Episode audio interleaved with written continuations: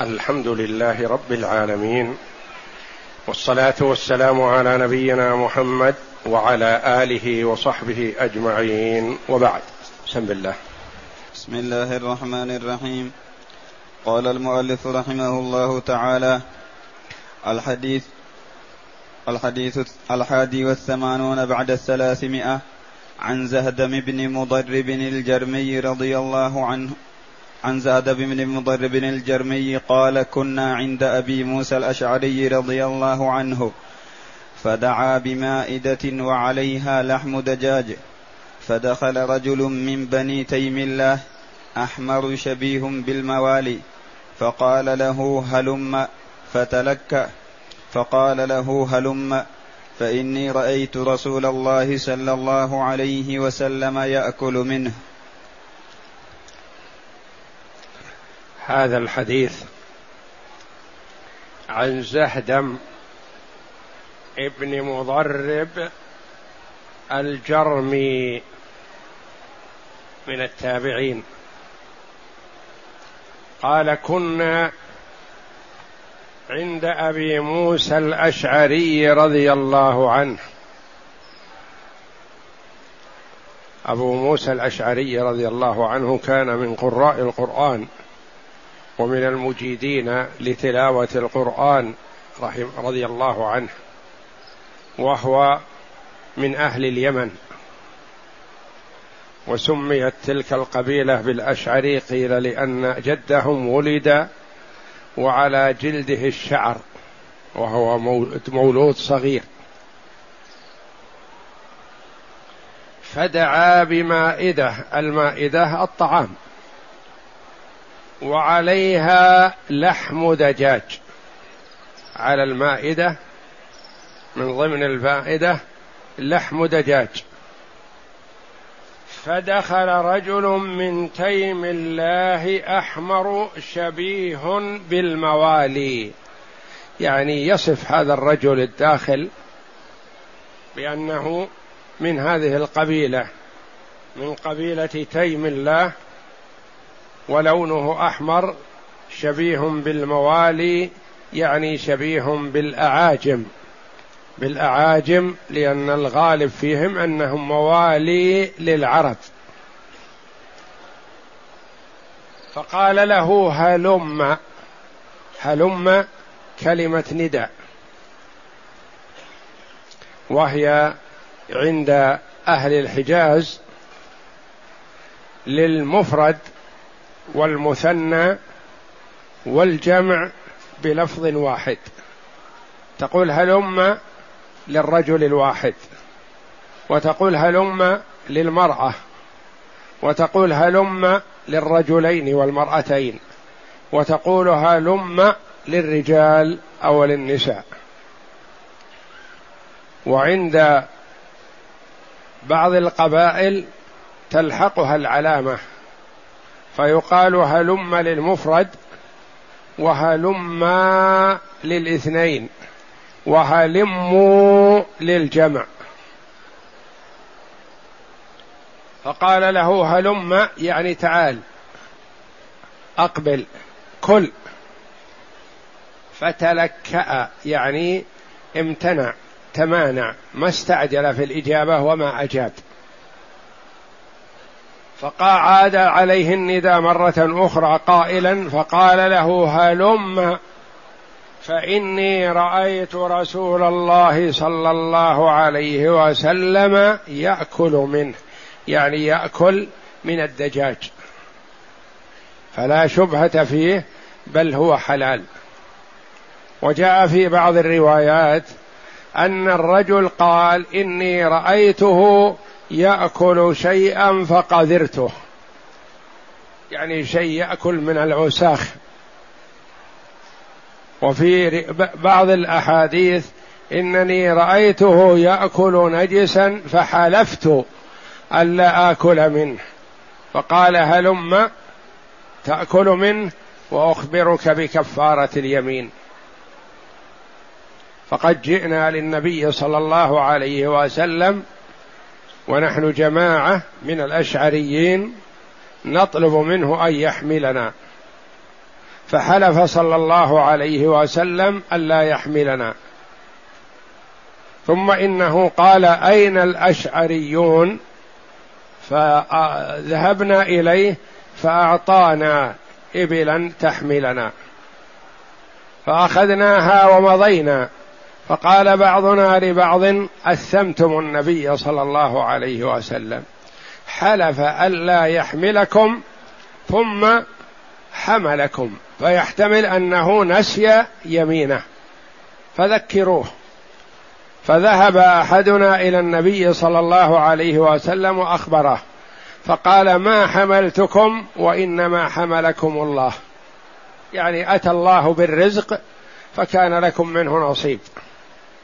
وإني والله إن شاء الله ما حلفت على يمين فرأيت غيرها خيرا منها إلا أتيت الذي هو خير وتحللتها.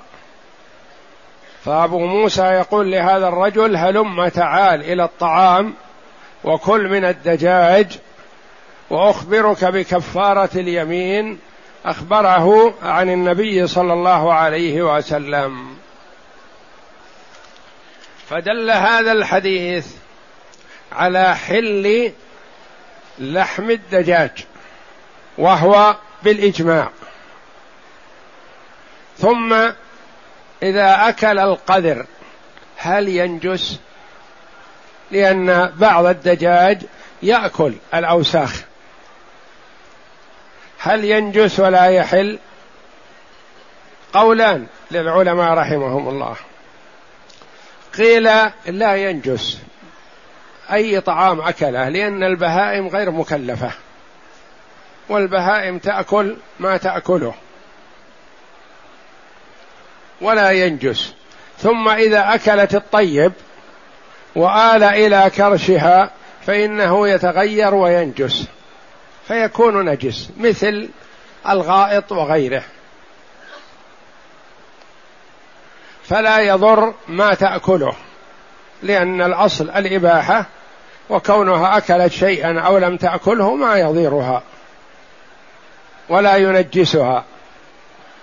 آخرون كرهوا وبعضهم حرم لحم الجلالة الجلالة التي تتغذى بالنجاسة. تتغذى بالنجاسة يعني باستمرار. أما أكلها للنجاسة مرة ونحو ذلك فهذا لا يؤثر عليها ولو تسمى جلالة. وإنما الجلالة التي تأكل النجاسات باستمرار. يعني مثل من كانت في محل النجس وغذاؤها من عندها. ما تتجاوزه. وأكلها كله نجس. قالوا هذه تحرم أو تكره. وكيف تطهر؟ وكيف تطيب؟ قالوا تحبس ثلاثة أيام وتطعم الحلال فيكفيها. فيزول أثر النجاسة من جوفها. ولا شك أن طعام البهيمة يطيبها أو يقذرها.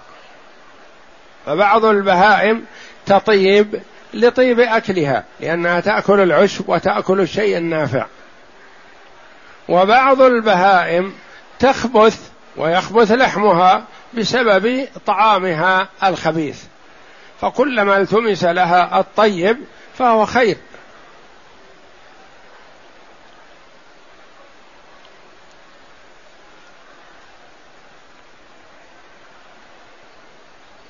وفي هذا الحديث دليل على أن ما أبيح في الأصل فهو على أصله.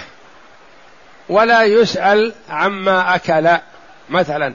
فمثلا إذا قدم للمرء لحم دجاج أو غيره مثلا من الأشياء التي قد تأكل الأوساخ ما يلزمه أن يسأل ماذا تأكل؟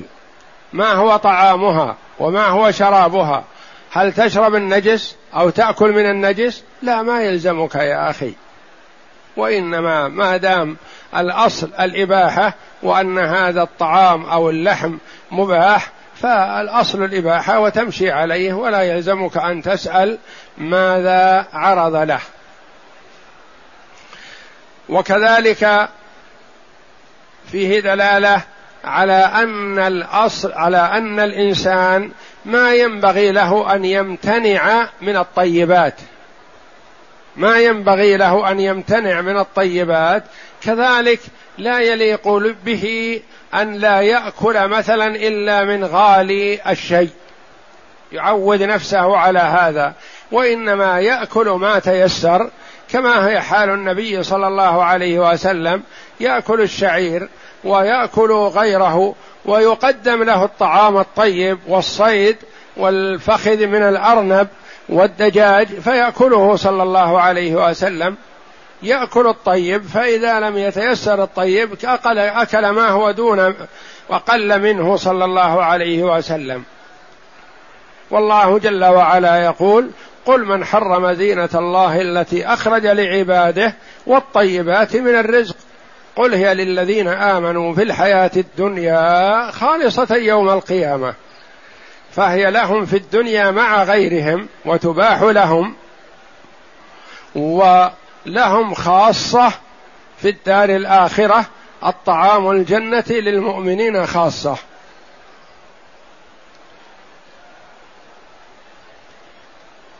نعم اقرأ. الغريب زهدم ابن مضرب الجرمي بصري ثقة. بصري يعني نشأ بالبصرة. نعم. ثقة يعتمد عليه في الحديث. نعم. زهدم بفتح الزاي وسكون الهاء وفتح الدال المهملة ومضرب بضم, بضم الميم وفتح الضاد المعجمة وكسر الراء المهملة المشددة. والجرمي بفتح الجيم وسكون الراء المهملة منسوب إلى إلى جرم بن زياد قبيلة مشهورة من العرب من قضاعة من القحطانية. تيم الله بفتح التاء بعدها ياء ثم ميم منسوبة إلى اسم الجلالة. هم بطن من إحدى قبائل العرب. هلم بفتح الهاء بعدها لام مضمومة ثم ميم مشددة هي كلمة بمعنى الدعاء إلى الشيء. فأما الحجازيون فينادون بها بلفظ واحد للمفرد والمثنى والجمع. وبهذه اللغة جاء القرآن في قوله تعالى والقائلين لإخوانهم هلم إلينا. نعم. هلم هلم. والقائلين لإخوانهم هلم إلينا. هلم بفتح التاء بفتح الهاء. نعم.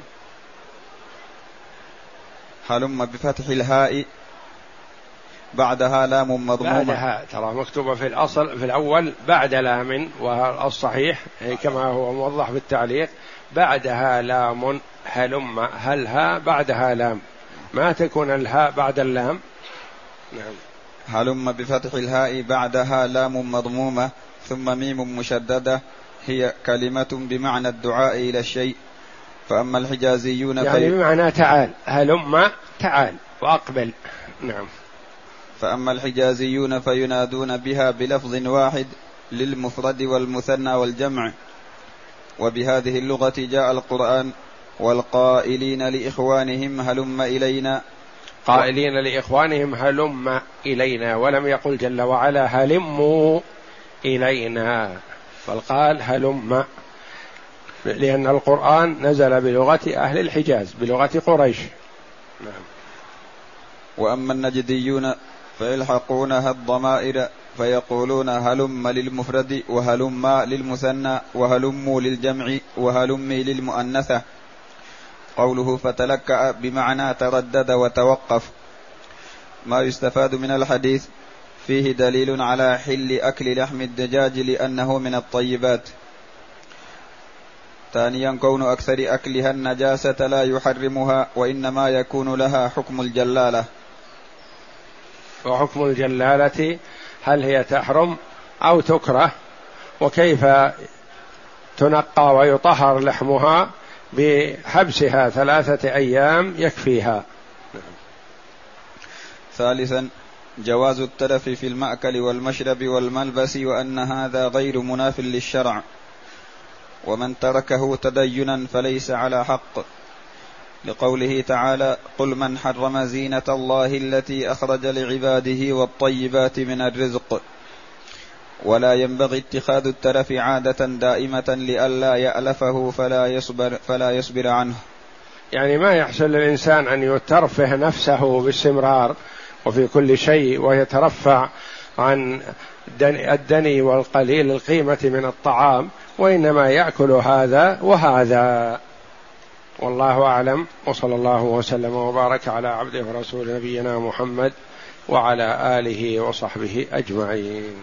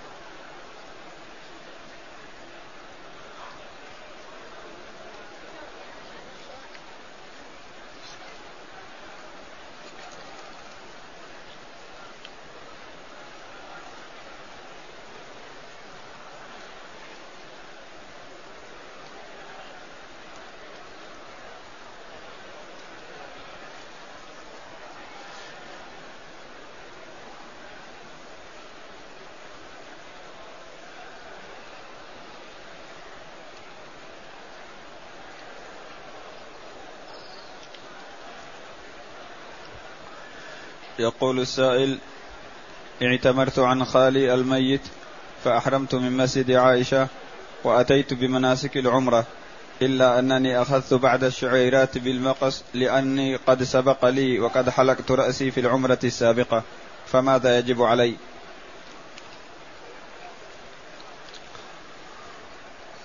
الواجب في التقصير أن يعمم التقصير من مجموع الشعر ولا يلزم من كل شعرة بعينها. فإذا كان المرء قد حلق قبل هذا ولم يبقى في رأسه شعر فيمر الموسى على رأسه ويكفيه لأن الله جل وعلا يقول فاتقوا الله ما استطعتم ثم علينا أن نعلم أنه لا ينبغي للإنسان أن يدخل مكة بعمرة ثم يخرج من الغد. يأتي بعمرة أخرى ثانية أو يأتي بعمرة ثالثة. أن هذا ليس بحسن وقد كرهه كثير من السلف. وإنما العمرة الصحيحة المشروعة التي يدخل بها المرء إلى مكة. أما أن يأتي بعمرة ثم يخرج من الغد ليأتي بعمرة أخرى فلا ينبغي هذا. وقال في هذا بعض السلف لا أدري مثل هؤلاء يأثمون أو يؤجرون. وقال لو صرف جزءا من الوقت الذي صرفه في مثل هذه العمرة في الطواف لربما كان خيرا له من أن يخرج لتكرار العمرة.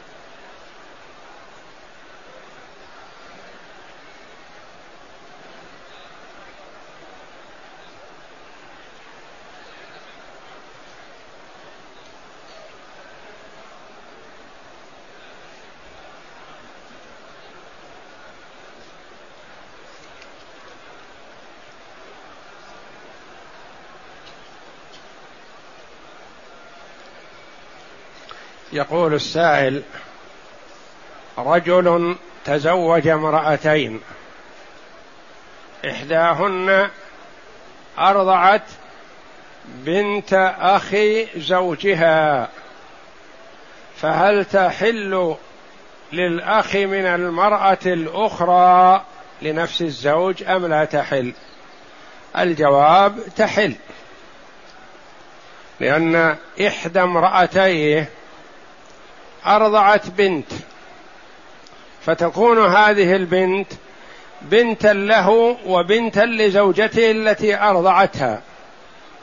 أخو المرأة الأخرى يريد أن يتزوج هذه البنت فهو يتزوج بنت زوج أخته من الرضاعة.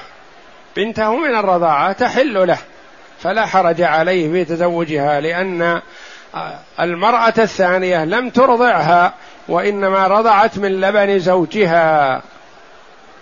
فهي تحل لأخ المرأة الثانية. إذا كان هذا هو السؤال.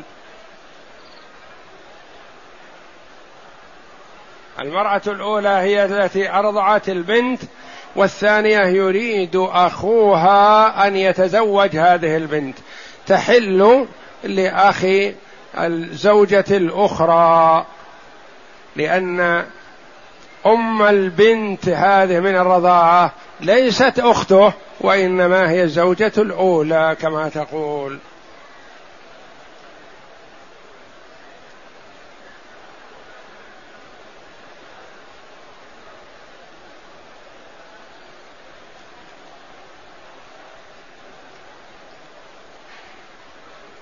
تقول السائلة حضرت للعمرة. في السنة الماضية وكنت حائض فلم أستطع الإحرام من الميقات يلملم فجلست في جدة حتى طهرت وأديت العمرة منها فهل علي شيء؟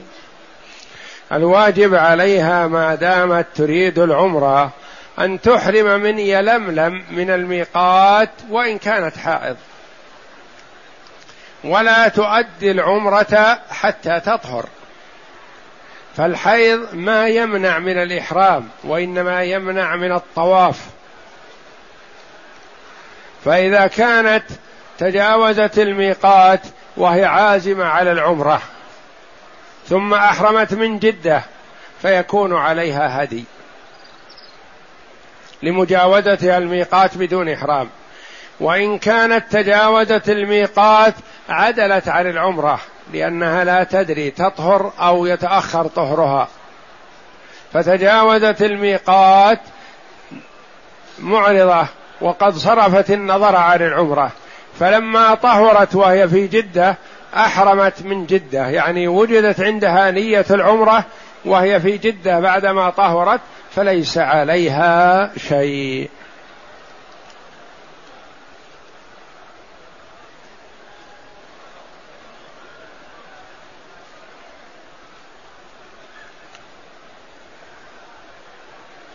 يقول ماذا أصنع إذا اعتمرت من مسجد عائشة في حلق الرأس؟ إذا أنا حلقت شعر رأسي في عمرتي. إذا كنت قد حلقت ولم يبق في رأسك شيء وأديت عمرة فتمر الموسى على رأسك ويكفيك. مثل الأصلع الذي ليس في رأسه شعر يمر الموسى على رأسه ويكفيه لأن الله جل وعلا يقول فاتقوا الله ما استطعتم.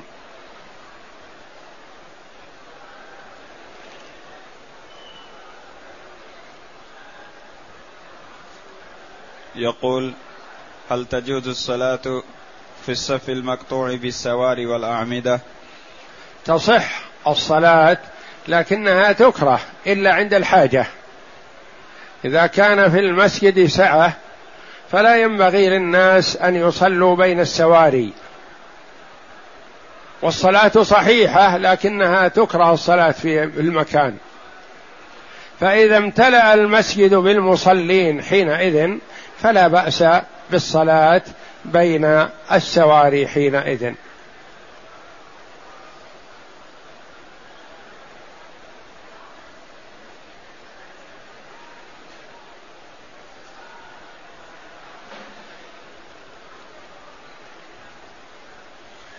يقول أديت العمرة عن والدتي المريضة فهل يمكن أن أؤدي عمرة من مسجد التنعيم عن والدي المتوفى؟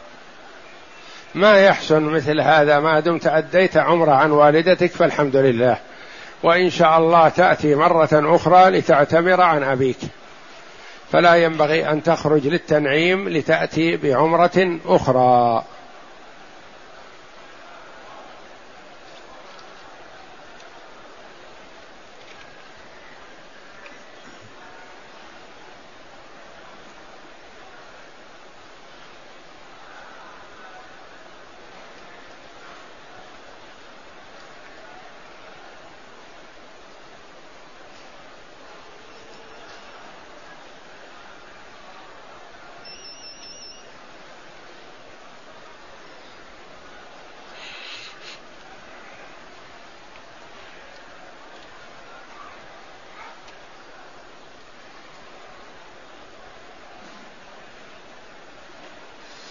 يقول لي أخت ومقر معيشتها في فرنسا هي وزوجها يريدان العمرة في رمضان لكن لا يستطيعان لا يستطيعان أن يأتيا لأدائها فهل يجوز لي أن أعتمر عنهما؟ إذا كانوا يستطيعون بأبدانهم ولا يستطيعوا بأموالهم فلا تلزمهم العمرة. ولا تجب عليهم لأن الله جل وعلا قال ولله على الناس حج البيت من استطاع إليه سبيلا. فمن لم يستطع فليس عليه واجب. وإذا كان قادر بماله لكن غير قادر ببدنه لمرضه فيستحب له أن يرسل من يحج عنه ويعتمر. و وما داموا في مكان بعيد وأنت في مكان قريب أو في مكة فلا يحسن أن تعتمر عنهم. وإنما هم إذا استطاعوا ذلك فحسن وإذا لم يستطيعوا فلا يجب عليهم.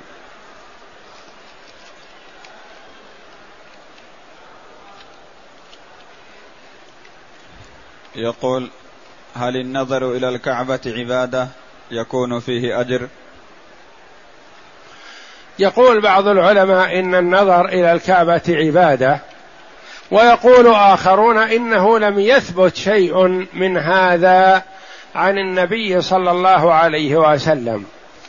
وتشريع وتقرير العبادات لا بد أن يكون له مستند من قول النبي صلى الله عليه وسلم أو إجماع من الأمة. لأن الإجماع مستند على دليل لقوله صلى الله عليه وسلم لا تجتمع أمتي على ضلالة. أو دليل يثبت هذا. وما دام لم يرد دليل ولم يثبت إجماع فلا يعتبر هذا عبادة والله أعلم.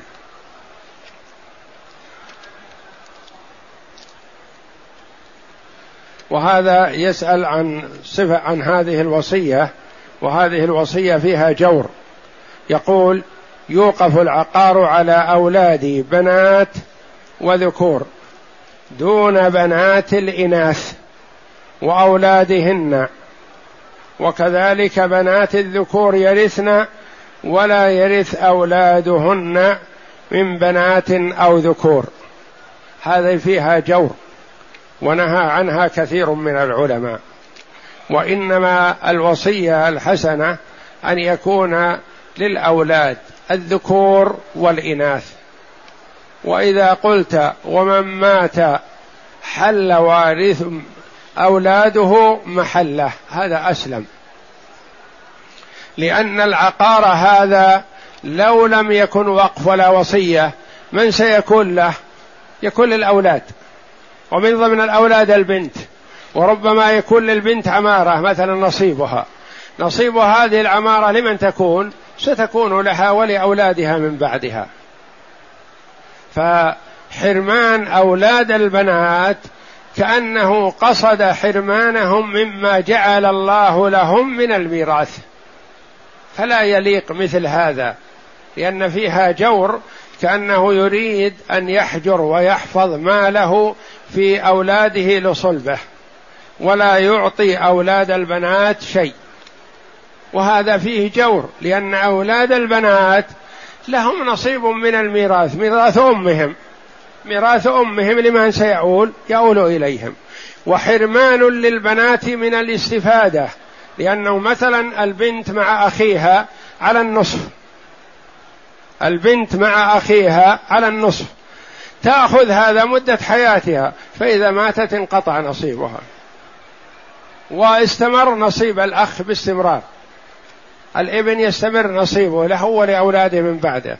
والبنت لها مدة حياتها وربما تكون مدة حياتها سنة أو أشهر أو ربما ما تستفيد من هذا الوقف شيء.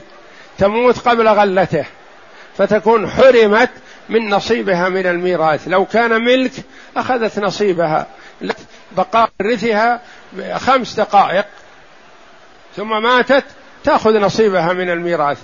ويؤول نصيبها إلى ورثتها. والله جل وعلا أحكم وأعدل في قسمة الميراث حينما حكم به جل وعلا ولم يجعل. ذلك إلى ملك مقرب ولا إلى نبي مرسل. فقال تعالى يوصيكم الله في أولادكم للذكر مثل حظ الأنثيين. الآية إلى آخرها.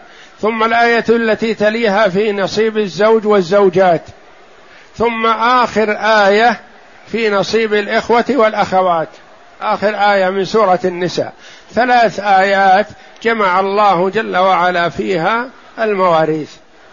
ما وكل قسمة المواريث إلى ملك مقرب ولا إلى نبي مرسل. والجور في الوصية عده العلماء من الكبائر.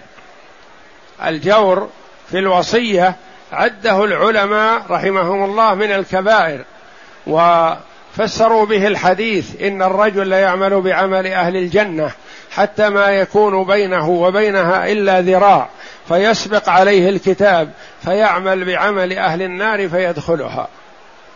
قالوا قد يكون الرجل كل حياته في الطاعة فآخر يوم من حياته يوصي وصية جائرة. فيختم له بسيء عمله فيكون والعياذ بالله من أهل النار. وإن لم يكن مستحقا للتخليد في النار لكنه مستحق للنار إن لم يعفو الله عنه. فالجور في الوصية من الكبائر.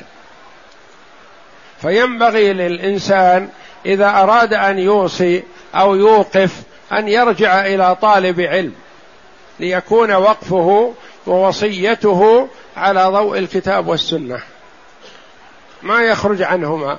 ما هي مصلحته؟ لحرم هذا وأعطى هذا. وما يدريك. ربما يكون ولد البنت وبنت البنت أنفع لك بكثير من ابن الابن أو بنت الابن. النفع من الله جل وعلا. فعمر بن عبد العزيز رضي الله عنه ورحمه ابن بنت بالنسبة لعمر بن الخطاب رضي الله عنه. والولد الصالح ينفع الله به سواء كان ابن بنت أو ابن ابن. فكثيرا ما يستفيد الآباء من أبناء البنات وبنات البنات أكثر مما يستفيدوا من دعوات أبناء الأبناء الأبناء وبنات الأبناء هؤلاء ذريتك وولدك وما يقرب هذا ويبعد هذا. هذا ابن ابنك وهذا ابن بنتك. وربما تكون البنت هذه بنتك أنفع لك من ابنك.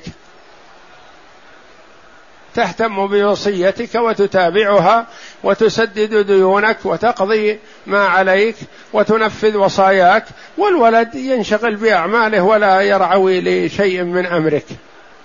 فلما تفضله؟ لا يا أخي الواجب على المسلم إذا أراد أن يوصي أو يوقف أن يرجع لطالب علم. ويستشيره ويسود ما في نفسه في ورقة مثل هذه كذا ولا يعزم عليها حتى يعرضها على من يثق به من طلبة العلم. فإن كانت مقرة في الشرع أقرها وإن كانت غير مقرة في الشرع منعها. فكثير من وصايا الناس اليوم وقبل فترة كانت جائرة فيها جور. يقول لاولاد الظهور دون أولاد البطون. لما يا أخي؟ أولاد البطون ما هم من أولادك وأولاد بناتك وهم يدعون لك يدعون لآبائهم وأمهاتهم وأجدادهم. فلم تحرم من لا يستحق الحرمان؟ وربما تجور بالنسبة لمصلحة شخص لا تعرفه. ما وجد إلى الآن. وتجور وتظلم شخص موجود وربما يخدمك ويسعى معك ويعمل معك ابن بنتك.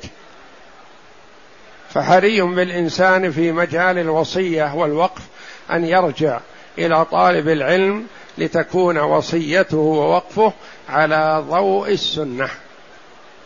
والله جل وعلا أكد هذا في الآيات كلها وحرم من حرم المضارة وحرم الجور لأنها مظنة المضارة والجور.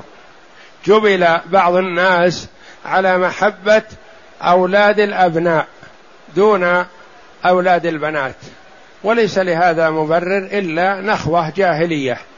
وإلا ما الفرق بينهم؟ هذا ابنك ابن ابنك وهذا ابن بنتك. يدلون هذا يدلي بأمه وهذا يدلي بأبيه. فإذا كان في مجال الميراث لا تقل إنه مجال الميراث محروم. أعطيت أمه. فإذا أعطيت أمه لمن يؤول؟ يؤول إليه. والولد الابن أعطيه. فلمن يؤول بعده إلى أولاده. فإذا كان مجال ميراث فدعه لما قسم الله جل وعلا. أردت أن توصي أو توقف يكن على ضوء ما أمر الله جل وعلا في كتابه وعلى لسان رسوله صلى الله عليه وسلم.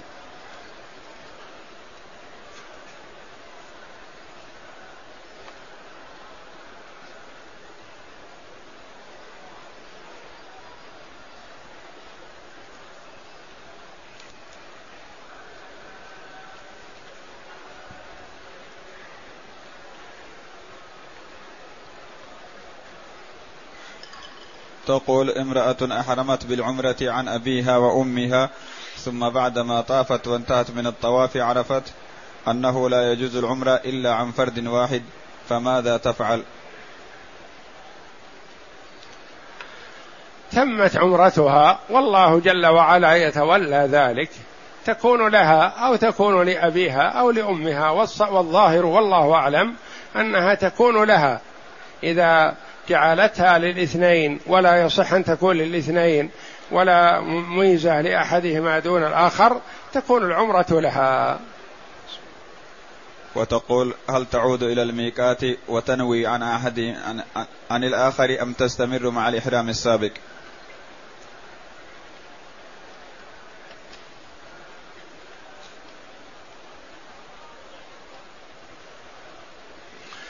إذا أرادت أن تحرم مرة أخرى تحرم عن واحد عن الأب أو عن الأم. فإذا كان أحدهما قد أتى بالعمرة والآخر لم يأت بالعمرة فتحرم عمن لم يأت بالعمرة. وإذا كان كلهم أحرموا بعمرة سابقا حال حياتهم أو كلهم لم يعتمروا فتبدأ بالأم. لأن حق الأم آكد من حق الأب.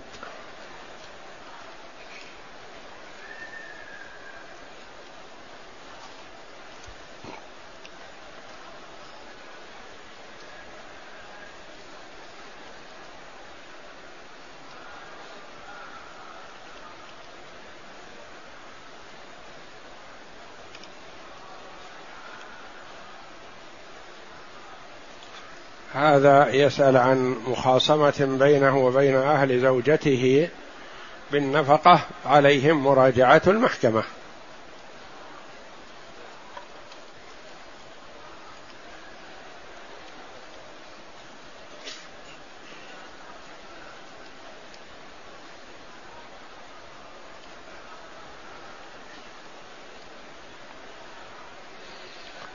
يقول نحن أعراب وفي البادية وأحوال البادية تختلف ويشق علينا أو يصعب علينا فصل النساء عن الرجال فهل هو عذرنا؟ فهل هو عذر لنا؟ الجواب لا.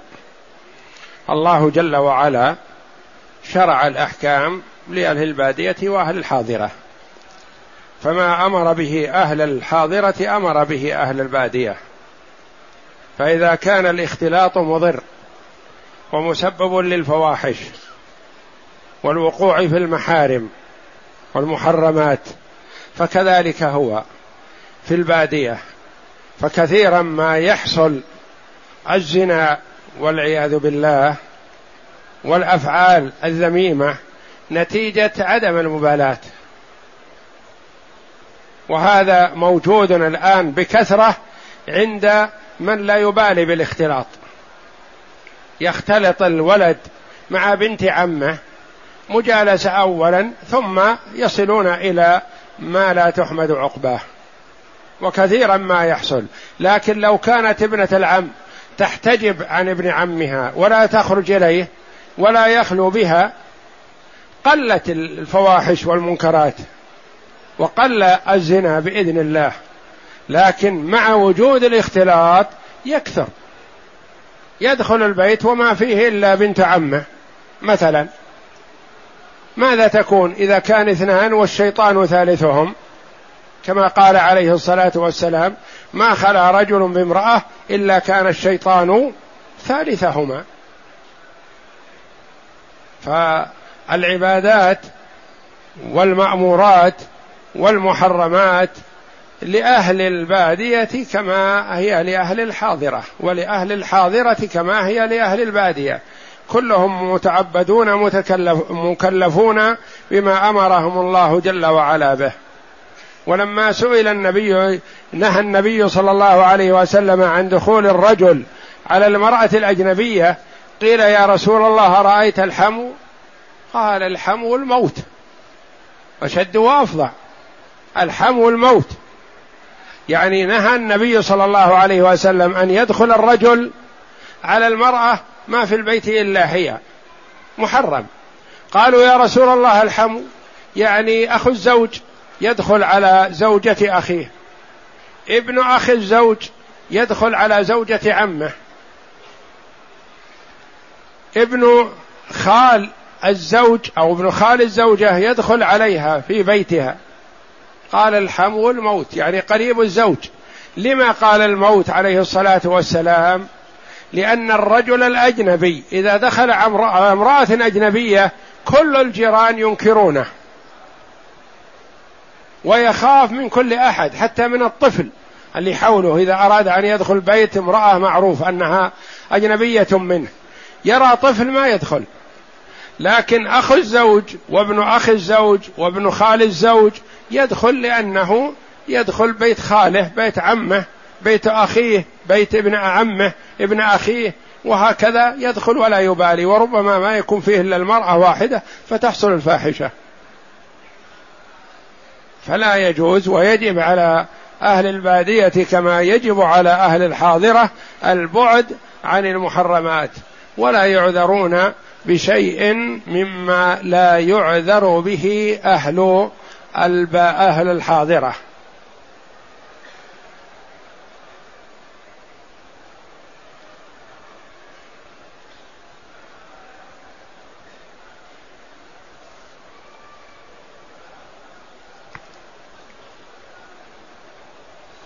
يقول بالنسبة للجلالة هل يلحق بها في الكراهة أو الحرمة؟ ما يتولد عنها كالبيض بالنسبة للدجاج واللبن بالنسبة لغيرها.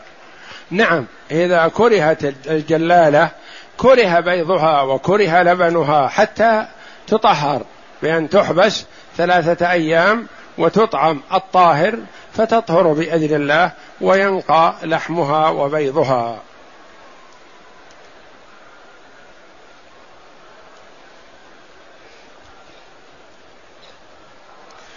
يقول هل عادات الناس في البلاد المختلفة تنتمي إلى الشرع أم لا؟ لا ما يجوز أن تنسب عادات الناس إلى الشرع إلا إذا كانت موافقة للشرع. إذا كانت موافقة للشرع فنعم لكن يقال هذه عادة الناس وعادة الناس سائغة لا. لا تسوغ عادة الناس إلا إذا كانت موافقة للشرع.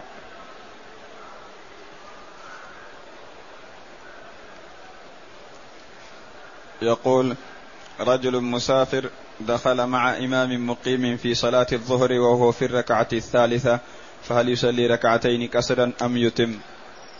يجب عليه في هذه الحال أن يتم صلاته ولا يكتفي بالركعتين اللتين أدركهما مع الإمام لأن المسافر إذا اقتدى بمقيم وجب عليه أن يتم مثله والمقيم إذا اقتدى بمسافر يجب عليه أن يتم الصلاة ولا يسلم مع المسافر. أنت دخلت مع إمام مسافر وأنت مقيم قصر الإمام المسافر قصر الصلاة ركعتين. فأنت يجب عليك إذا سلم الإمام أن تقوم وتكمل صلاتك. إذا كنت مسافر والإمام مقيم ودخلت معه في ركعتين مثلا بقيتا من صلاته ما تكفي عنك بل يجب عليك أن تتم وتأتي بالأربع.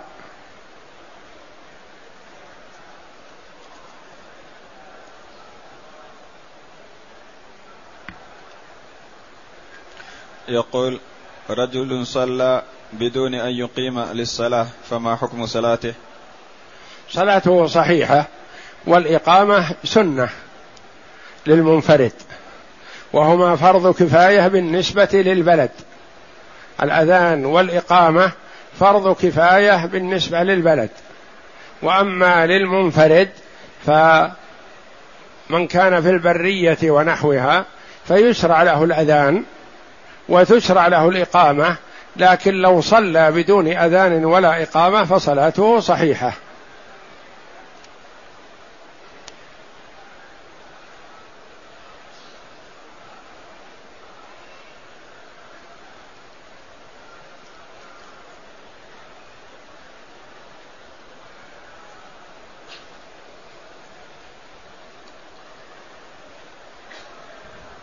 يقول دخلت المسجد وجلست وبعد نصف ساعة ذكرت أني ما صليت تحية وما الحكم؟ تقوم فتصلي. متى ما ذكرت؟ تقوم وتصلي تحية المسجد سنة. لأن النبي صلى الله عليه وسلم كان يخطب فجلس فدخل رجل وجلس. فقطع النبي صلى الله عليه وسلم وقال صليت يا سليك؟ قال لا. قال قم فصل ركعتين. فلا تفوت صلاة تحية المسجد بالجلوس. إذا جلست ناسيا أو جاهلا وذكرت فيستحب لك أن تقوم وتأتي بتحية المسجد.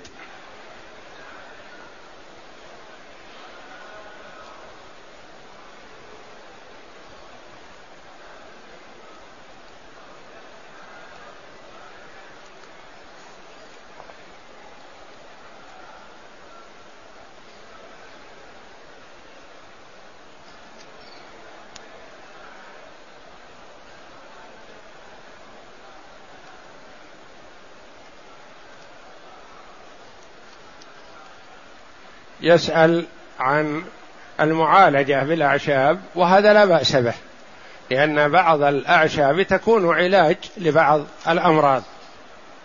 يقول أن الطبيب المداوي يلتمس أو يتلمس العروق ويسأل بعض الأسئلة عن الأحلام ويعرف إذا كان سحرا أو نفس أو ماذا يكون. المعالجون يتفاوتون. من المعالجين من يكون عنده حذق ويوفق لاتخاذ بعض الأعشاب التي تنفع في بعض الأمراض. فيوفق لهذا وهذا علاج صحيح. ومن الناس من يتخرس تخرس ويظهر ويجعل لنفسه المعرفة وهو جاهل. يقول ماذا تفكر فيه وماذا تقول وماذا تحتلم فيه في الليل وكذا وكذا ثم يتخرص ويقول الأمر كذا وكذا وهو عن جهل وضلال. فعلى المرء أن يتخير وإذا أراد أن يعالج أن يعالج عند الرجل العاقل الفاهم الذي يثق بدينه.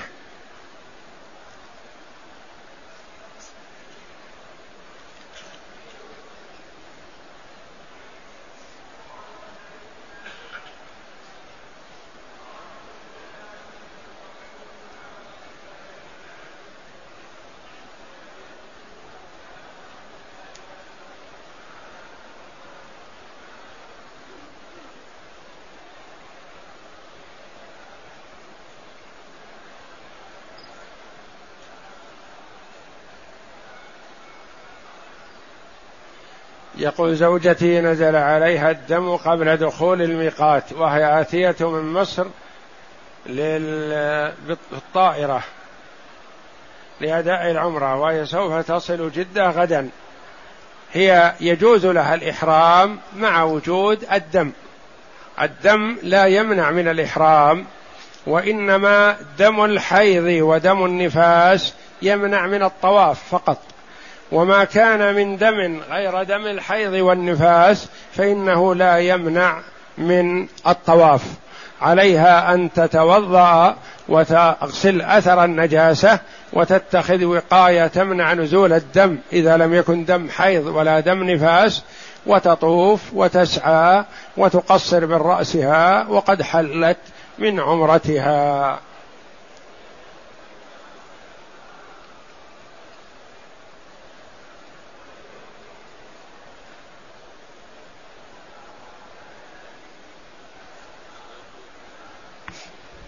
يقول من أين يحرم من أين نحرم لكي نؤدي عمرة أخرى؟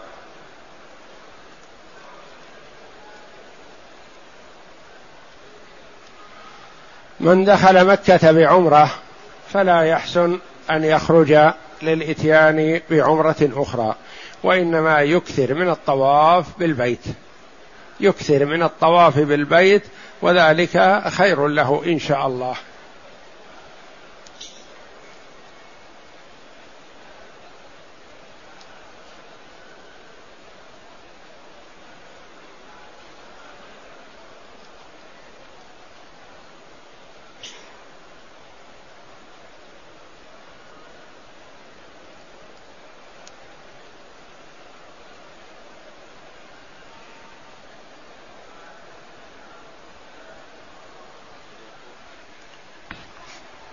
يقول نقوم ببناء مسجد في مصر فهل يجوز أن يشارك بعض الناس في مصاريف البناء مقابل أن يوظفوا في هذا المسجد علما بأن تكملة المسجد تحتاج لهذه المبالغ؟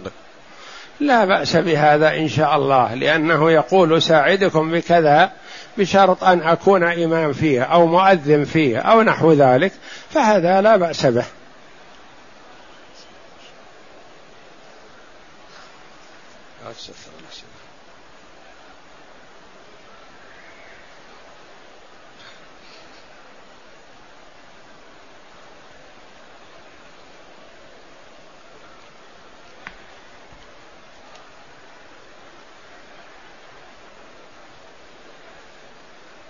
يقول جئت من وادي الدواسر لأداء العمرة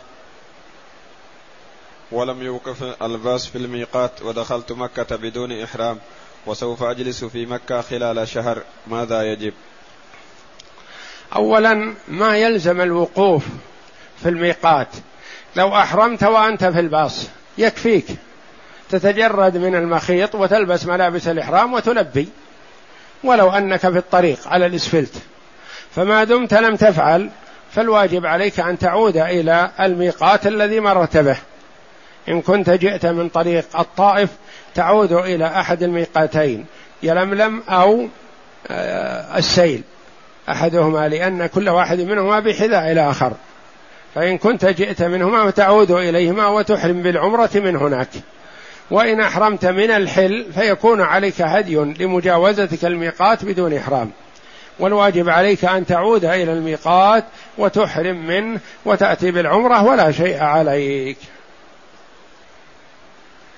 يسأل عن مشروعية طواف الوداع. طواف الوداع للعمرة محل خلاف بين العلماء رحمهم الله.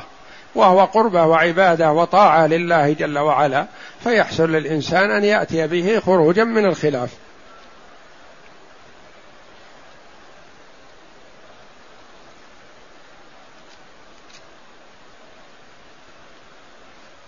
يقول قمت بأداء العمرة ومعي طفلي عمره عام واحد. هل تحتسب الطفل العمرة هل تحتسب لطفلي عمرة؟ نعم إذا كنت أحرمت به جعلته يحرم وطفت به وسعيت به فله عمرة ولك أجر كما قال عليه الصلاة والسلام لما رفعت امرأة صبيا وقالت يا رسول الله ألهذا حج؟ قال نعم ولك أجر. والله أعلم. وصلى الله وسلم وبارك على عبده ورسول نبينا محمد وعلى آله وصحبه أجمعين.